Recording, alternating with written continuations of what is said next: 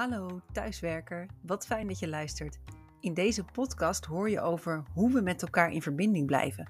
Ook op afstand, ook online. Want hoe kunnen teams en organisaties werken aan werkgeluk terwijl we met z'n allen remote en hybride werken? Elke week spreek ik met experts op het gebied van tools, technieken en werkvormen. Mijn naam is Jasmijn Mioch en ik ben de gelukkige thuiswerker. Als facilitator van online sessies zie ik in de praktijk dat het kan. Jezelf zijn, bevlogen zijn, een team zijn, ook in online tijden.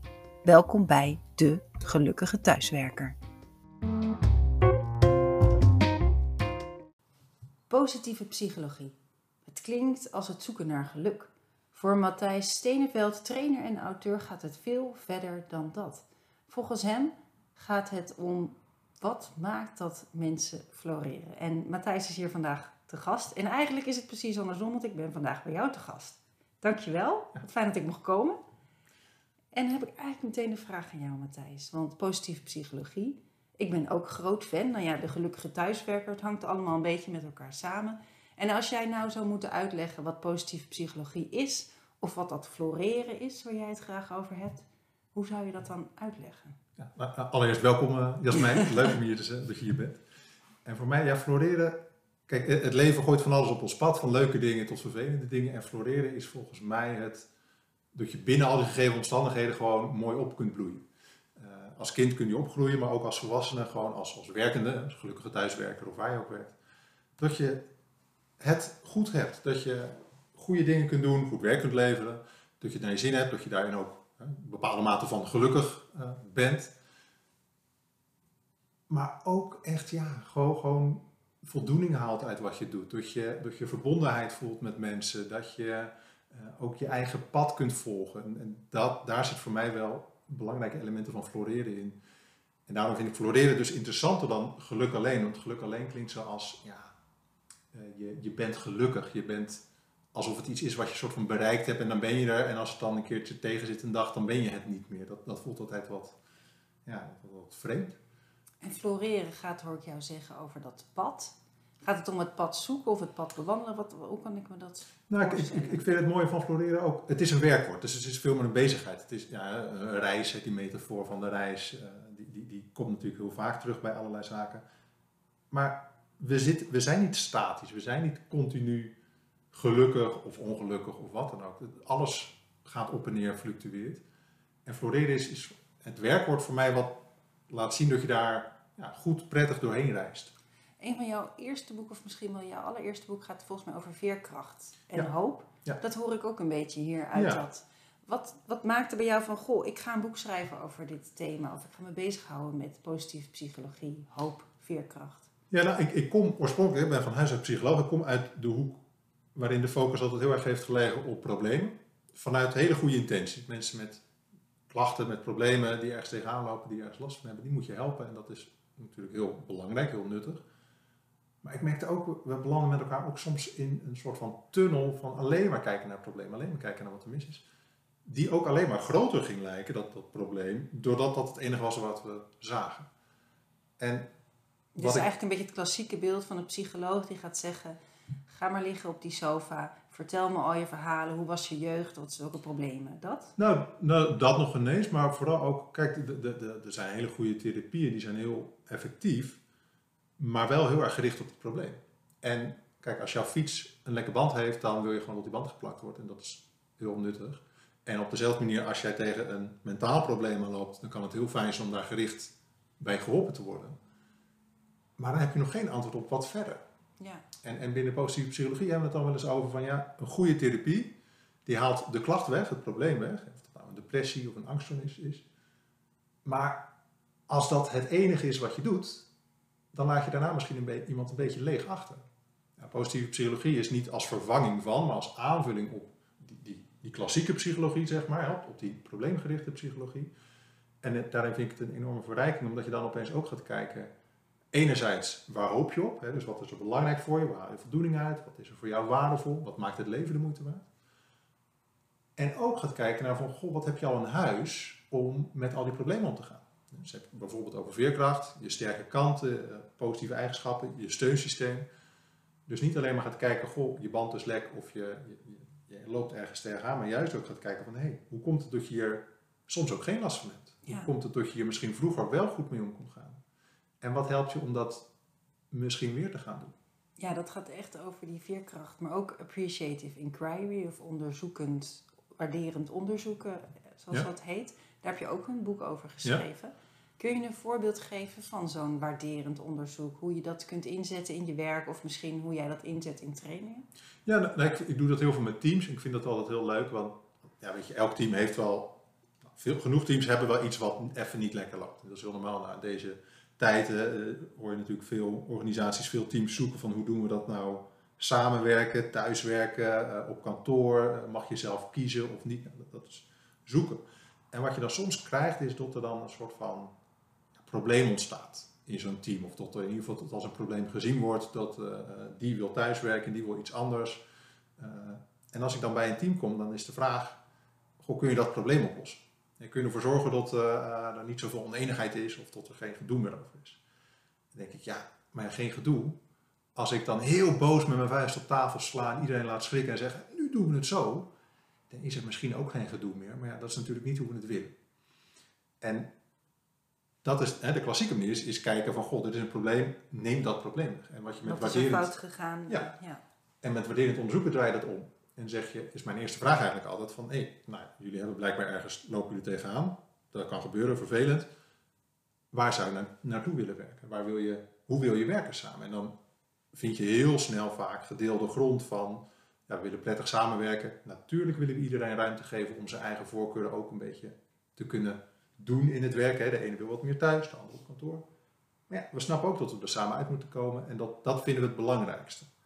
En van daaruit ga je eigenlijk verder zoeken van oké, hoe lukt jullie dat al om bij ingewikkelde zaken om daar toch samen uit te komen? Wat helpt jullie om er samen uit te komen als het gaat om eh, wie draait welke dienst? Of inderdaad, hè, thuis of op kantoor. Of eh, vergaderen, moet dat altijd online, hybride of mag dat ook af en toe offline? En welke vragen stel je dan precies aan dat team? Een voorbeeldvraag. Nou, de, de eerste vraag is van, wat wil je wel? Ja, hoe wil je wel dat het eruit Ja, ziet? Of, Ja, Ja. En, en inderdaad wat je zegt, hè, dat het eruit ziet, stel je het maar eens voor.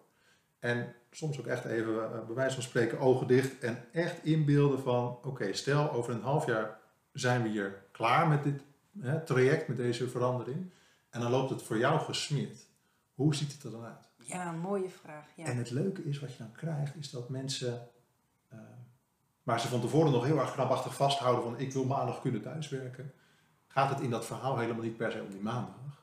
Gaat het er gewoon om dat mensen het gevoel hebben dat ze de ruimte krijgen om een leven en een werk te combineren. Ja, ja En- ik kan me ook voorstellen dat het die maandag is omdat ze dan bijvoorbeeld de kinderen uit school komen. Terwijl Ja. dat misschien op dinsdag ook zou kunnen. Maar ja, Ja, en, en de grap is dat je met elkaar gaat praten over goh, waar heb je nou eigenlijk behoefte aan? Hè? Waar, waar hoop je op? Hoe zie je, hoe zie je dit voor je als je mag kiezen?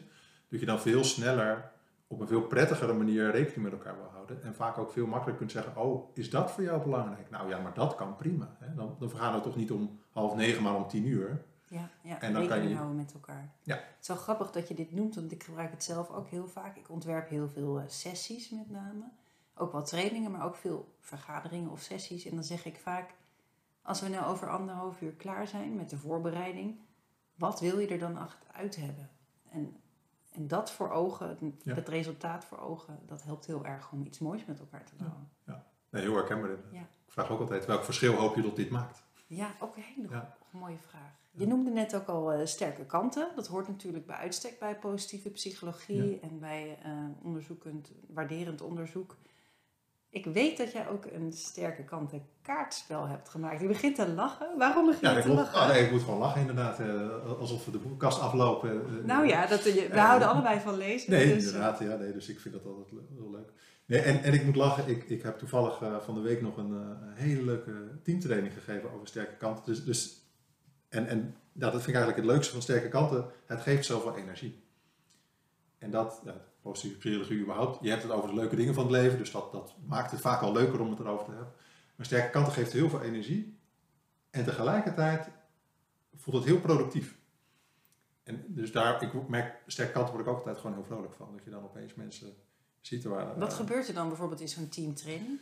Nou, eh, eh, collega's die elkaar dus al jaren kennen. recent wat minder vaak gezien hebben, maar toch elkaar ook echt al wel goed kennen. Maar je hebt het altijd over de inhoud, over het werk. En dat is belangrijk natuurlijk. En nu opeens in gesprekjes horen ze dan van elkaar van waar krijg je nou energie van in je werk? Ja, Zo'n casus. Vind jij dat leuk? Ja, dat vind ik Oh. leuk, want Echte eye-openers. echt van die eye-openers. En dat je ook ziet van, oh wacht eens even. Hier kunnen we elkaar echt in gaan versterken. Hè, De, de ene is, is de kritisch denker die, die aan de voorkant van een traject eh, meedenkt, kritische vragen stelt, eh, goed de, de mogelijke beren op de weg ziet en in kaart brengt en daar heel veel voldoening uit haalt om dat goed op rij te zetten.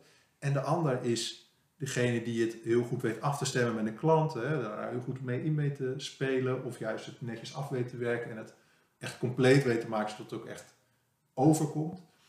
En door gewoon daarover met elkaar in gesprek te gaan en juist echt te vragen naar wat geeft jou energie in je werk. Ja, dat is gewoon, dat is voor mij alleen maar genieten om dat te zien gebeuren. Ja, je we hebben het over dat sterke kantenspel. En eh, ik denk dat je misschien mensen nog even mee kunt nemen van hoe dat er nou uitziet. Want wat voor sterke kanten moeten we aan denken? Ja, hij hangt hier in jouw kantoor, Ja. trainersruimte, hangt het hier. Ja. Dus ik zie creativiteit, leergierigheid. Er zijn een aantal sterke kanten Ja. ontwikkeld. Waar, hoe ziet het spel eruit en ja, waar gebruik je het inderdaad voor? Nou, sterke kanten zijn positieve karaktereigenschappen die echt bij je passen. En het leuke is, mensen hebben al die eigenschappen. Dat is gewoon menselijk. Mensen zijn creatief, mensen zijn leergierig, mensen zijn sociaal. En dat is op zich niet het spannende. Wat, wat ik altijd interessant vind, is dat mensen hebben pak een beet vijf sterke kanten die echt kenmerkend voor ze zijn. Niet omdat ze er nou zo goed in zijn, maar omdat ze er echt energie van krijgen. En daar wordt het, vind ik, voor, voor mensen die willen floreren in hun werk of gelukkig willen thuiswerken, echt interessant. Want als je voor jezelf weet van, hé, hey, dit zijn de eigenschappen waar ik echt energie van krijg, dan moet je zorgen dat je die in je werk inbouwt. En hoe, hoe kom je daar dan achter welke Ja, eigenschappen dat voor jou zijn? Nou, in dat kaartspel zitten een aantal dingen in. En, en, en eigenlijk is stap 1 gewoon onderzoeken. Hè? Dat kan met een vragenlijst, dat kan door met mensen in je omgeving in gesprek te gaan van goh, welke sterke kanten herken je bij mij. Dat kan door, eh, ook heel simpel, dat, dat is iets wat je nu meteen al kunt doen. Denk eens terug aan een moment dat je echt lekker bezig was. En neem er echt even een paar minuten voor om dat echt even weer voor je te halen. En ga dan eens nadenken van hé, maar wat deed ik daar nou tot ik dit zo leuk vond? Wat Ja. deed ik dan dat ik echt energie ervan kreeg dat ik denk, ja, dit is mijn ding. En heel vaak vind je daar dan een aantal sterke kanten in terug. Ja, wat leuk, want ik heb dit zelf ook regelmatig in mijn loopbaan en carrière gedaan. Echt om de paar jaar, denk ik. En een van de dingen waar ik nou recent weer over nadacht, is ik had zo ontzettend veel plezier in de tijd dat ik radio maakte voor de lokale omroep, politici interviewde. Ehm, ik, ik heb ook journalistiek gestudeerd en dacht ik, oh, ik wil daar weer wat meer mee gaan doen. Nou, en vervolgens heb ik het ook echt ingebouwd in mijn werk. Dus ik ben redacteur geworden bij een vakblad.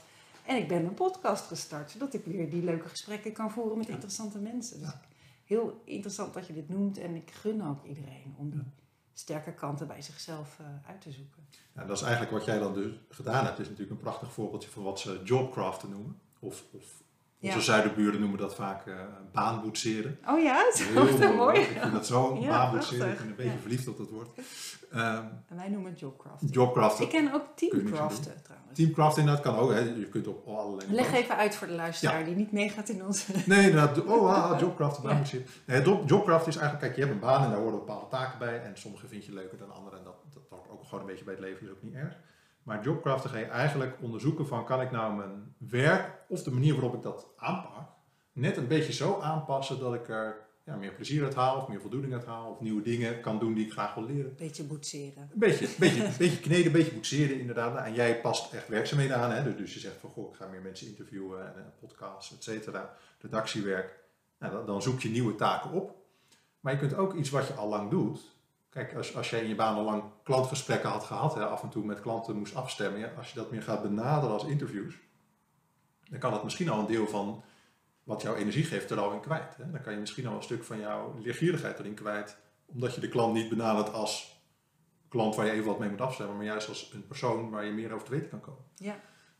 Ja, mooi. En, en daar vind, dat vind ik wel de lol van jobcraften en dat past heel goed bij de positieve psychologie van ga nou niet alles heel moeilijk maken, maar ga juist binnen de ruimte die er is op zoek naar hoe maak je dit voor jezelf interessant en passend en de moeite waard. En als jij nou, je hebt het spel ontwikkeld, toch? Op basis van de Via Strength. Ja, ik het goed Via character onthouden. strengths Ja. inderdaad. eh, Samen met jouw vrouw ook, Ja. toch? Ja. Anouk. Haar achternaam weet ik niet. Het zijn Van den Berg. van de Berg. Niet jouw vrouw. Ehm, en jullie hebben dat ontworpen. En wat was jullie doel toen jullie daarmee bezig waren? Was het gewoon plezier? Of dacht je, we willen het ook echt gaan inzetten? Of Ja, meer dingen tegelijk. Eh, We, vinden, we zijn allebei ondernemend in de zin van dat we het gewoon heel leuk vinden om, om projecten, eh, eh, dingen te doen, iets moois neer te zetten. En we merkten allebei in onze eigen tak van sport dat die sterke kanten zoveel los konden maken op zo'n simpele manier. Hè. In het werk zie je dat mensen echt heel erg veel plezier uit halen, dat ze opeens dat kunnen doen. Mensen die moeilijke situaties hebben, die halen opeens heel veel veerkracht uit. Die denken van, oh, maar dit helpt mij.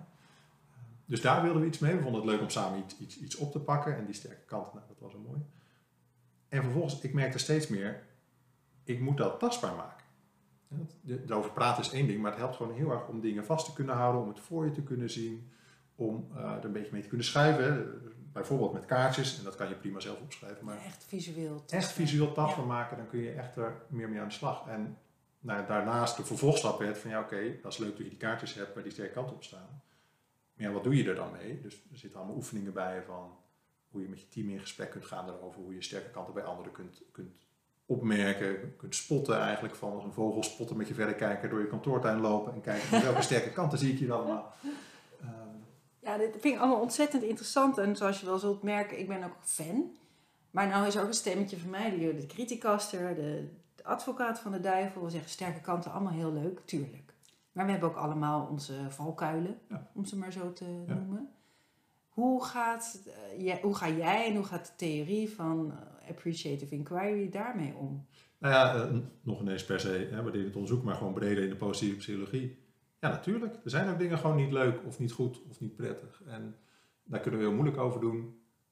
Maar stap 1 is gewoon accepteren dat er ook gewoon dingen zijn die niet leuk of niet goed zijn. Dat is, dat is wat het is. Ehm, en het interessante is eigenlijk wat je daarna doet. Want dat er negatieve dingen zijn, of het nou een eigenschap is die, die niet goed is of, of niet goed werkt in de situatie, of tot het een vervelende gebeurtenis is, dat is, dat is gewoon het hoort bij het leven.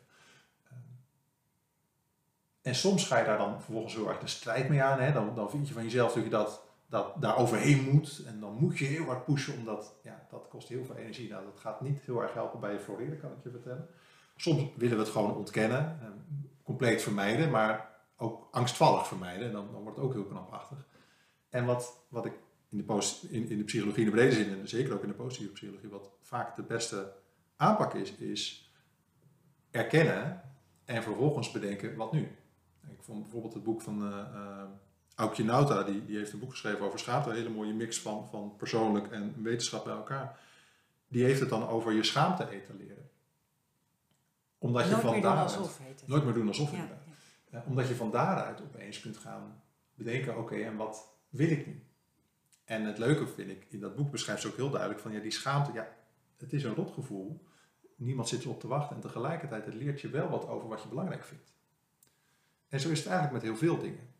Dus, dus als jij eh, misschien chaotisch en ongestructureerd bent, ja, dat is natuurlijk onhandig. En daar moet je ook, in sommige situaties moet je daar wat aan doen.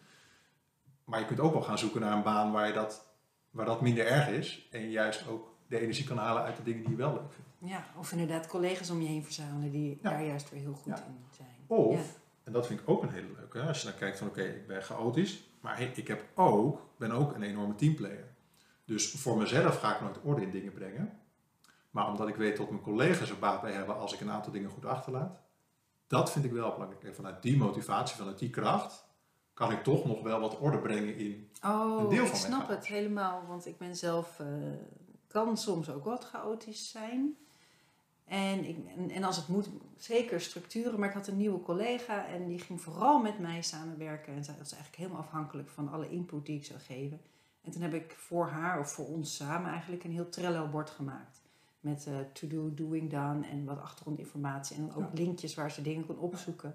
Hetzelfde, ik ging weg bij mijn vorige functie, L&D, eh, Learning and Development Adviseur. Dan kwam een interim manager. Ik heb een prachtig overzichtelijk schema voor haar gemaakt met de status van alle projecten in een Padlet.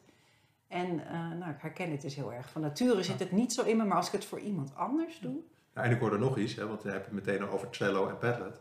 En je houdt natuurlijk ook wel een beetje van die nieuwe technieken en van Ja. het moet er ook op een bepaalde manier wel een soort van mooi zijn geworden. Ja. En daar dan natuurlijk ook plezier uit. Dus eigenlijk zijn dat hele mooie jobcrafting voorbeeldjes. Ik hou van de nieuwe technieken, want ik ben nieuwsgierig. Ja. Dus kan ik dat gebruiken om die chaos in orde te Ja, dat doe je dan waarschijnlijk liever dan dat je het in Excel doet, bij wijze van Ja. spreken. Ja, oh mooi. Oh, grappig. Ja. Nou, je bent helemaal ontleed. En we hebben het natuurlijk in de breedte zin over positieve psychologie Ja. gehad, over de, de mooie kanten daarvan, de valkuilen, jouw spel. Je hebt ook een nieuw boek. Eh, er is zelfs nog een nieuw boek, daar kunnen we het misschien zo meteen nog even over. Maar een nieuw boek waar ik het graag in de kader van eh, de gelukkige thuiswerker over wil hebben met jou, is hybride bijeenkomsten. En een van mijn eerdere gasten, Sibrenne Wagenaar, die noemde dit boek als Ja. een tip ook. Dus ik ben ook heel blij dat jij er nu hier bent. Kan jij me iets vertellen over dat boek en waarom het zo handig is in deze tijd? Nou, eh, het is samen met eh Annemieke Mintjes en Marta Buding hebben we dat geschreven. En eigenlijk gewoon ontstaan uit de afgelopen jaren, eh, met corona, iedereen zat online. Eh, maar ook weer volgens de overgang. Er gingen weer dingen offline en, en toen toch weer online. En oh wacht, we doen het hybride. En hybride werd zo het trucje voor bijeenkomsten, voor je vergadering, voor je congres, voor je wat dan ook. Eh, je zet er een camera en een microfoon bij en, en het is hybride. Nou, dat klinkt mooi en dat is lekker toegankelijk voor iedereen. Die kan kiezen wat hij wil. Maar ja, dat maakt natuurlijk nog geen leuke, goede bijeenkomst. En als je het hebt over werkgeluk of over floreren, dan heb je het ook over van, ja, hoe, hoe is de verbinding met collega's, zowel op gezellig, hè, sociaal vlak, als inhoudelijk vlak. En aan allebei schort het nogal vaak, helaas. Eh, Verbondenheid en de gezelligheid bedoel je? ja, zowel de verbondenheid, gezelligheid kant, maar ook de, de effectiviteit kant. En Hoe vaak komen we nou samen dat het echt nuttig en productief is? Ja. Er is een bekend psychologisch onderzoek over eh, brainstormen bijvoorbeeld. En iedereen denkt, oh, brainstorm sessie met een team, dat is heel goed, want dan kom je met tot echt nieuwe ideeën. Maar eigenlijk heeft sociaal-psychologisch onderzoek al lang en breed aangetoond dat als je zes mensen individueel van elkaar laat brainstormen, hè, dus allemaal als het ware in een hokje zet en zegt, een blaadje geeft en zegt, schrijf maar veel ideeën op, dat dat, ik geloof echt wel, twee keer zoveel ideeën oplevert dan als je die zes mensen bij elkaar zet en zo lekker energiek samen laat brainstormen. Ik moet nu toch de luisteraar, ik heb een soort beeld in mijn hoofd en de luisteraar even vertellen hoe wij elkaar eigenlijk kennen. Wij, eh, Matthijs en ik hebben samen in de LCIT-commissie gezeten, de commissie in de, van de Universiteit Leiden, als studenten allebei, om de nieuwe introductieweek te organiseren. En ik zie opeens onze chaotische brainstorm van 15 jaar geleden, denk ik, Ja. voor me. Waarin wij gingen brainstormen over het nieuwe thema. En ik zie zes verhitte mensen met post-its en roepen en Ja. doen. En eh, iedereen zat op het puntje van zijn of haar stoel. Ja. Dat was dus niet zo effectief. Nou ja, en, en, ik denk dat dat een groepje is waarbij het nog wel kon en vooral ook het belang was niet zo groot, denk ik, achteraf. Hè, Wij hebben er wel, denk ik, van drie uur over gedaan. drie uur, drie dagen. Misschien Dat, ook wel leuk eh, voor de luisteraars om het thema dan wat er uiteindelijk uitgekomen is. Ja, Weet jij het eh, nog? Dat is Close call was eh Leiden Paprika, die is het bijna geworden. ja, Maar uiteindelijk werd het natuurlijk eh, Live in La Vida Leiden. Living La Vida Leiden. Ja. Ja. Maar dat geldt Maar, terzijde. goed, ja, maar dat, hè, brainstorming is zo'n typisch voorbeeld, er is ook echt veel onderzoek naar gedaan. Ehm, maar dat laat voor mij heel goed zien dat een groep mensen bij elkaar zetten met een opdracht niet meteen ervoor zorgt dat die opdracht goed vervuld wordt. En soms betekent dat dat je het net zo goed met z'n drie had kunnen doen, of individueel. Maar heel veel vaker betekent het ook dat je ervoor moet zorgen dat de manier waarop je samenkomt, maakt dat je productief wordt. Ja, ja, heel mooi. Dit past ook helemaal in het synchroon, asynchroon. Daar gaat het boek, neem ik aan. Ik heb de nieuwste editie nog niet eh, gelezen, moet ik bekennen. Ja. Maar ik neem aan dat je het ook hebt over synchroon, dat- ook dat komt asynchroon werken. Ja. Zeker. En, en de focus ligt echt op bijeenkomsten. Hè? Dus het gaat niet zozeer over hybride werk in de brede zin van het woord, maar echt bijeenkomsten. Oké. Van hoe zorg je er nou voor dat nou ja, een groep mensen, deels thuis of achter de computer, deels in een zaaltje, allemaal betrokken zijn. Hè? Dat iedereen actief iets tot zich neemt, maar ook iets teruggeeft. Hè? En als je nou een tip uit je eigen boek over hybride bijeenkomsten zou Ja. moeten noemen waar je zelf heel veel aan hebt of waar je van denkt daar heeft, daar heeft iedereen iets aan, welke zou dat Wat- dan zijn? Wat ik elke keer heel krachtig vind is, eh, je moet allebei die groepen betrekken. Hè. Het zijn eigenlijk een soort van twee groepen, hè. de, de groep in de zaal en de groep online. En vaak is de groep op het kanaal waar je zelf op zit. Hè. Dus als je zelf in de zaal zit, is de groep in de zaal, heb je veel makkelijker contact mee. Want die zit echt letterlijk voor je neus. Terwijl als je zelf online zit, dan heb je vaak makkelijk contact met de mensen online. Want die zitten net als jij ook allemaal één op één achter een scherm. Eh, Je moet dus echt nadenken actief in je voorbereiding, in je programma, in, eh, in de vragen die je stelt. Hoe betrek ik die andere groep ook? En eigenlijk moet je die, vind ik, bijna altijd voorrang geven. De andere groep, dat is waar jij niet in zit. Ja, ja. ja, En hè, stel, jij zit dus in een zaal, maar er zijn ook mensen die thuis meedoen. Ja, dan moet je dus zorgen als jij wilt dat er vragen uit de zaal komen of opmerkingen uit de zaal komen. uh, Uit de virtuele en de echte zaal. Geef mensen even de tijd om na te denken. Hè. Heel simpel, maar niet, zijn er nog vragen? Ja, dan komt er echt geen enkele hand omhoog. Uh, op die twee mensen naar die je altijd hoort praten. Maar vraag, in plaats van zijn er nog vragen, vraag eens, denk eens even over na. Waar ben je nou nog benieuwd naar? Laat dan even vijf seconden stilte vallen, dat mensen echt even, oh ja, waar ben ik nou nog benieuwd naar, even kunnen nadenken. En zeg vervolgens, oké, als je in de zaal zit, schrijf het even op een post-it. Online, zet het even in de chat. En zorg er dan voor dat je één of twee mensen hebt die dat inzamelen. En daar een paar interessante vragen uitplukken. Ja, ik merk zelf, ik geef, faciliteer heel veel online bijeenkomsten en ik vind het heel prettig om het in de chat te doen. Ja. En bij hybride, de, de vraag die je nu als suggestie geeft, is denk ik heel mooi. Waar ben je nog benieuwd naar? Maar het inzamelen lijkt me wat lastig. Je zou natuurlijk ook kunnen zeggen, verzamel het allemaal in een Mentimeter. Daar kom ik weer met mijn tools, merk ik. Verzamel het allemaal in een Mentimeter, Ja. zodat iedereen, zowel online als in de zaal op de telefoon, het kan delen. Kan. Hoewel het natuurlijk met post-its ook kan werken, maar hoe, Ja. pak je dat dan aan? Nou, ik, ik vind daarin, ik merk dat ik daarin heel flexibel ben, dat ik vooral heel erg meebeweeg. En dat hangt heel erg af van hoe groot is de groep, hoe, vaardig is de groep in bepaalde dingen. Ik, ik spreek ook heel vaak eenmalig eh, bij groepen.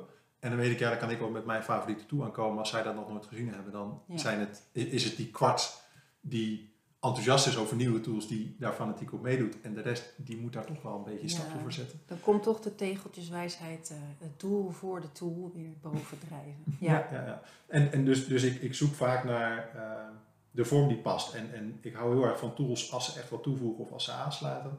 Maar ik hou ook heel erg van de eenvoud. En ik- een andere hele simpele manier om die meng, hè, hybride te activeren is bijvoorbeeld doordat je alle mensen online, bij wijze van spreken, laat whatsappen met iemand in de zaal. als een soort buddy. Als een buddy systeem. Ja. En dan toch iemand in de zaal dan een hand op laten steken. Dus dan ga je eigenlijk delegeren. Dan, dan is de tool is veel meer de, de onderlinge afspraak dat je buddies hebt. Ja. Ja. De- dus de tool, ja, tools kunnen enorm helpen, maar zijn uiteindelijk niet de factor waar het om draait. De factor waar het echt om draait is, doe jij iets als organisatie, als spreker, als facilitator, waardoor alle andere mensen zich geroepen voelen om actief mee te doen. Ja. ja, wat ik zelf toevallig gisteren meemaakte was een vergadering waar vijf mensen op locatie waren, waaronder ik zelf. Ik was niet de gespreksleider. En er was één iemand maar Ja. online en die was wel op groot scherm. Maar op een gegeven moment merkte ik dat we echt een soort gesprek voerden, over een moeilijk onderwerp. En dat ik op een gegeven moment dacht, oh, en hoe gaat het met jou en wat is jouw idee daarover? Ja. En toen bleek dat ze inderdaad ook een zinvolle, natuurlijk aanvulling had op het Ja. gesprek. En ik denk, oh, het is toch wel lastig als die Ja. verhouding een beetje uit Ja. balans is. Dus heb jij daar nog tips voor van één online liever niet? Of het kan wel, maar let dan daarop? Ik, ik, met één of twee mensen online vind ik het altijd wel interessant, eh, voor zover dat gaat, zeg maar, om diegene als het ware fysiek in de groep te zetten. Hè, dus als het lukt met dat scherm, ga dan ook echt om dat scherm heen zitten alsof dat één stoel is in de kring. Ja, Eh, dat helpt echt al wel een beetje. als een soort Eh, een laptop neerzetten. Ja, of een laptop Ja. neerzetten inderdaad. Ehm, dus dat, dat helpt bijvoorbeeld wel eh, eh, omgekeerd. Maar één of twee mensen in de zaal, ja, die, die, dan is het soms wel gewoon handig om met z'n allen online te gaan. Als er maar twee mensen samen zijn en de rest zit allemaal offline. Ja. Ehm, maar de basis is ook dat je met elkaar er oké mee bent van jongens, we doen dit hybride. En dat je daar aan de voorkant soort van akkoord over bent. Dat je niet eigenlijk nog vindt, en waarom is die er eigenlijk niet gewoon? Dat je zegt, ja tuurlijk, dit mag af en toe, dit hoort af en toe, of dit is nu handig. En dus dat je ook met elkaar afspreekt van, ja, we zijn samen verantwoordelijk om hierop te letten. En dan helpt het als een voorzitter of een facilitator daar wat extra op let. Het is ook een gedeelde verantwoordelijkheid van diegene op het scherm, maar ook van de mensen in de zaal. Hé, hey, wacht eens even, hoe zit het met? Ja. Ehm, maar dat begint dus wel bij er samen oké mee zijn. En niet zo'n beetje half eh eh, wrok van, nou, eh, thuiswerken, lekker makkelijk hoor. Ehm, Nee, dat gevoel was er gelukkig in mijn voorbeeld niet. Vaak ook Het was ook toevallig dat er één iemand maar online was. Maar eh, ja, mo- mooie tips om ook echt die gedeelde verantwoordelijkheid eh, te hebben. We zijn al een behoorlijke tijd aan het praten, al bijna een half uur. Het is ook ontzettend interessant. Ik vind het ook heel gezellig om weer met jou eh, bij te praten. wederzijds. Maar jij zei van tevoren, Jasmijn, ik wil het ook echt even hebben over mijn nieuwste boek dat bijna uitkomt. En dat is Autonomie, Verbondenheid, Competentie en Purpose. En waarom is het voor jou belangrijk om daar iets over te zeggen? Wat, wat is dit boek voor jou? Ja, nou, eh, ik, ik had het laatst met mijn uitgever eh, over van dit is misschien wel mijn beste boek tot nu toe. En dat is zo makkelijk als je er bijna mee klaar bent. Hè? Dat, eh, nou, het gaat me nog niet zozeer om het boek, maar vooral wat ik het interessante vind is het idee erachter. Er zit een theorie achter, ga ik nu niet allemaal helemaal uit de doeken doen. Maar de basis daarvan is mensen zijn eigenlijk van nature best wel geneigd om te floreren. Eigenlijk zijn we best wel, hè, een beetje Rutger Bregman, hè, de meeste mensen deugen, kom je dan een beetje in die straat. Als de omstandigheden eh, zich ertoe lenen eh, en ons helpen daarbij, dan zijn we over het algemeen geneigd om best gewoon leuk goed werk af te leveren en best wel gewoon een beetje gelukkig te zijn, gemiddeld genomen. Genoeg Heel kanttekeningen. optimistisch. Ik deel dat wereldbeeld Ja, wel. ja. Ik ben ook fan van het boek, maar ken ook genoeg mensen die er heel kritisch Zeker. over zijn. Nou, en, en, en ook de kritiek is, is denk ik ook voor een deel echt wel terecht hoor. Maar ehm, wat die theorie zegt, waar, ik- waar ik mijn boek op heb gebaseerd, is mensen hebben een aantal psychologische basisbehoeftes. En het systeem, hè, de, omgeving, moet daar wel voldoende in voorzien. Als een soort van randvoorwaarde, als een soort van ja, vruchtbare bodem om in te kunnen gaan floreren. Om even in de psychologische theorie te blijven, de piramide van Maslow. Ja, maar dan wel de moderne variant ervan. Ja. Maar het is een beetje de, de, de, de, de doorontwikkeling op de piramide van Maslow. Ehm, en nou, die basisbehoeftes, dat, dat, dat bestaat dus. Hè. Mensen hebben behoefte aan autonomie, willen een bepaalde mate van vrijheid, van zelf keuzes kunnen maken, van zelf kunnen bepalen. Geen complete vrijheid, compleet leeg van wat moet ik, dat is ook niet leuk. Maar mensen hebben behoefte aan autonomie Vrijheid en kaders. en kaders. ehm, maar ieder mens heeft behoefte aan voldoende autonomie. Ieder mens heeft ook behoefte aan verbondenheid met de omgeving, met mensen om ons heen. We zijn sociale wezens. We, bloeien op in contact. En natuurlijk is dat voor de een anders. Hè. De een is, is extrovert, wil grote groepen, eh, en bruisend energie. De ander is meer introvert. Maar voor mensen, verbondenheid is gewoon belangrijk. We blijven kuddedieren. Hm? We blijven, We blijven kudde- kuddedieren inderdaad. Eh, competentie, en daar zitten die kaders ook weer een beetje in. We willen ons competent voelen in wat er van ons gevraagd wordt. Dus als we het idee hebben dat we compleet overdonderd worden, nou, dat zag je bij het begin van het online werken voor een deel van de mensen, die, die waren er helemaal niet in thuis. Nou, dat, dan voel je je compleet niet competent, daar doe je het niet goed op. Ehm, maar als het weer te makkelijk is, is het ook niet leuk. Dus een beetje uitdaging is wel leuk, maar we willen ons competent voelen en het gevoel hebben dat we een beetje ja, eh, de controle, de invloed hebben, dat we er wat mee kunnen. Is eigenlijk ook weer die, die sterke kanten, dat kaartspel. Die sterke kanten sluiten. Ja. Nou, als, als je sterke kanten kent en plekken waar je die in kunt zetten, dan voel je je snel competent. Dus dat Ja. helpt. Ja. En dat sluit aan bij autonomie. Want mensen vinden het leuk om sterke kanten te gebruiken. Dat is vaak waar je energie uit haalt. Ehm, en de vierde is purpose. Ehm, die zit ook wel een beetje in die andere ingebakken, maar ik vind hem ook altijd wel heel krachtig om hem nog los te benoemen. We willen ook iets doen wat we op de een of andere manier de moeite waard vinden. En waarom heb je gekozen voor purpose? Dat is natuurlijk eigenlijk een Engels Ja. woord. Hoe zou je hem kunnen vertalen? Je kunt het vertalen als, als zingeving of betekenis, maar je merkt dat er dan ook vaak zo'n. ehm, eh, so- voor sommige mensen is, roept dat weer een heel zweverig gevoel. En Een purpose, spiritueel tintje. spiritueel tintje. En eh, het, is, het mag, maar het hoeft helemaal niet spiritueel te zijn. En tegelijkertijd, de purpose kun je ook bijna vertalen als doel of doelgerichtheid. Ja. Dat klopt ook niet helemaal. Ja, Een zinnig doel. een zinnig doel, inderdaad. Wat voor, jou, wat voor jou de moeite waard is. Wat voor jou de moeite Ja. waard is. Mooie zin. En vaak gaat de moeite waard ook, ook weer in relatie tot anderen. Hè? Dat gaat ook wel over verbondenheid vaak. Ja. Nou, dan komen we weer heel erg mooi terug bij jouw missie. Wat ik hier in de introductie zei over jou.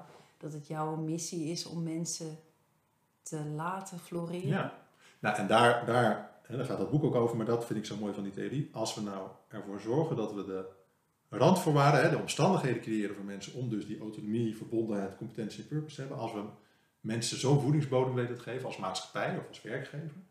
eh, Ja, dan, dan, dan floreren mensen, nou niet helemaal van zeggen, maar toch al wel heel, heel erg bijna. En dat vind ik in mijn werk heel leuk. Binnen een bijeenkomst, binnen een sessie kun je natuurlijk daarin autonomie geven en verbondenheid creëren. Binnen een langer traject of, gewoon hè, voor het opvoeden van je kinderen. Ehm, en dat, dat helpt mensen om te kunnen floreren. En ja, daar, daar, daar haal ik ook mijn eigen zingeving uit. Hè. Daar zit mijn eigen purpose ook in. Matthijs, ik wil je ontzettend bedanken voor alle waardevolle inzichten, de praktische tips en natuurlijk ook als boekenliefhebber voor alle boekentips. Het sterke kantenspel, ik kan het zeker aanraden. Mensen, ga dat spelen en ontdek ook hoe jij zelf positief en gelukkig kunt werken en leven. Dankjewel Matthijs. Dankjewel voor het luisteren naar De Gelukkige Thuiswerker. Heb jij zelf tools en tips die iedereen moet kennen? Laat het me weten. Of heb je een prachtig praktijkvoorbeeld? Bel me dan gerust. Vond je deze podcast de moeite van het luisteren waard? Laat dan een review achter en deel de podcast in je netwerk of op social media. Veel geluk iedereen!